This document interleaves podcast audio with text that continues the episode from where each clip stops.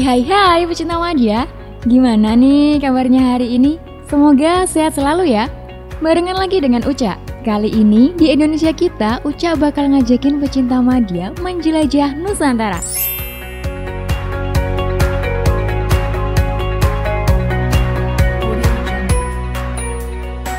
Menikmati pemandangan nuansa sejuk negeri di atas awan siapa sih yang nggak mau?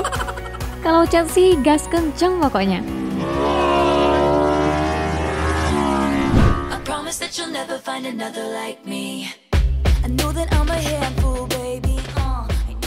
Kebun buah Mangunan Bantul Yogyakarta Tepat beralaman di Jalan Imogiri, Delingo, Sukorame, Mangunan, Bantul, Daerah Istimewa Yogyakarta. Udah nggak asing ya pastinya dengan tempat wisata ini. Sebutan populernya yakni Negeri di Atas Awan.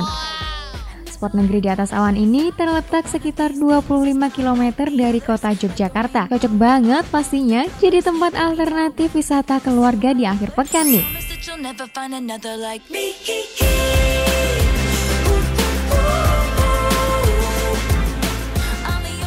Yogyakarta dengan bentang alam yang memukau. Kota gudeg ini pasti tidak diragukan lagi kalau soal wisata. Gak ada tanding pokoknya. Eh, ada sih tandingannya.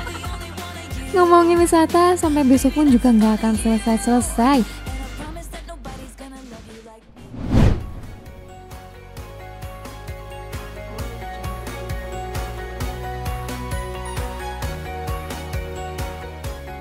Salah satu bentang alam yang berada di Bantul, Yogyakarta ini sudah dikenal oleh masyarakat luas karena pesona alamnya yang membius semua mata yang berkunjung dengan keindahan alam yang luar biasa. Berada di ketinggian 200 mdpl membuat kebun buah bangunan ini dijuluki sebagai negeri di atas awan.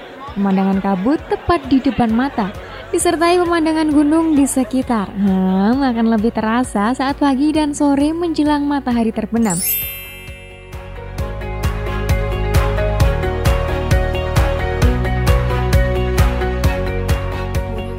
Kebun buah Mangunan ini dibangun pada tahun 2003 dengan luas 23 hektar. Ragam pohon buah-buahan pun ditanam di sini. Ya, namanya juga kebun buah. Hehehe. Ada pohon mangga, rambutan, jeruk, durian, manggis, dan masih banyak lagi. Coba tengok ke arah selatan. Ya, pecinta Maja dapat melihat dengan puas pemandangan pantai Parangtritis. Nah, beruntungnya kalau kabut datang mustahil bagi Anda untuk memandang pantai Parangtritis. Oh no! Satu lagi nih yang udah di depan mata, Sungai Oya.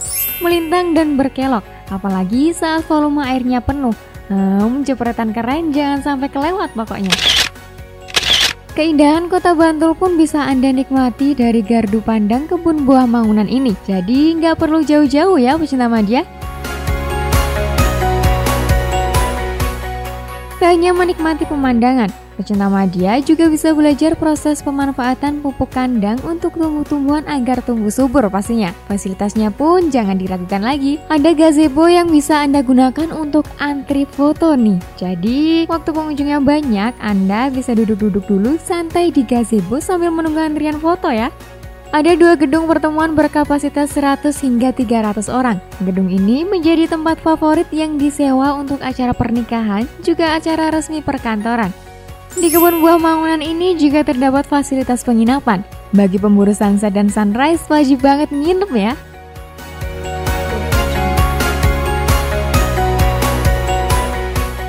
Sebagai tambahan informasi, kebun buah Mangunan buka setiap hari pukul 5 pagi sampai 10 pagi dan akan buka lagi pada pukul 2 sore hingga pukul 5 sore. Biar bisa lihat sunrise, jangan lupa datang pagi-pagi. Kalau mau lihat sunset, jangan kesorean juga ya.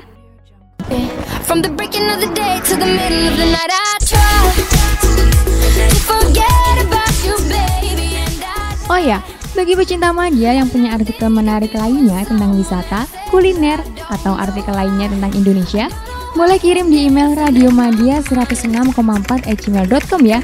Kita tunggu. Dan jangan lupa pantengin instastory di Instagram @radiomadia untuk foto-foto keren dari wisata kali ini. Eh, bisa juga dengerin di Spotify ketik Radio Madia. Tinggal pilih episodenya. Jangan lupa follow ya. Sampai di sini dulu Indonesia kita kali ini. Sampai jumpa. Bye bye.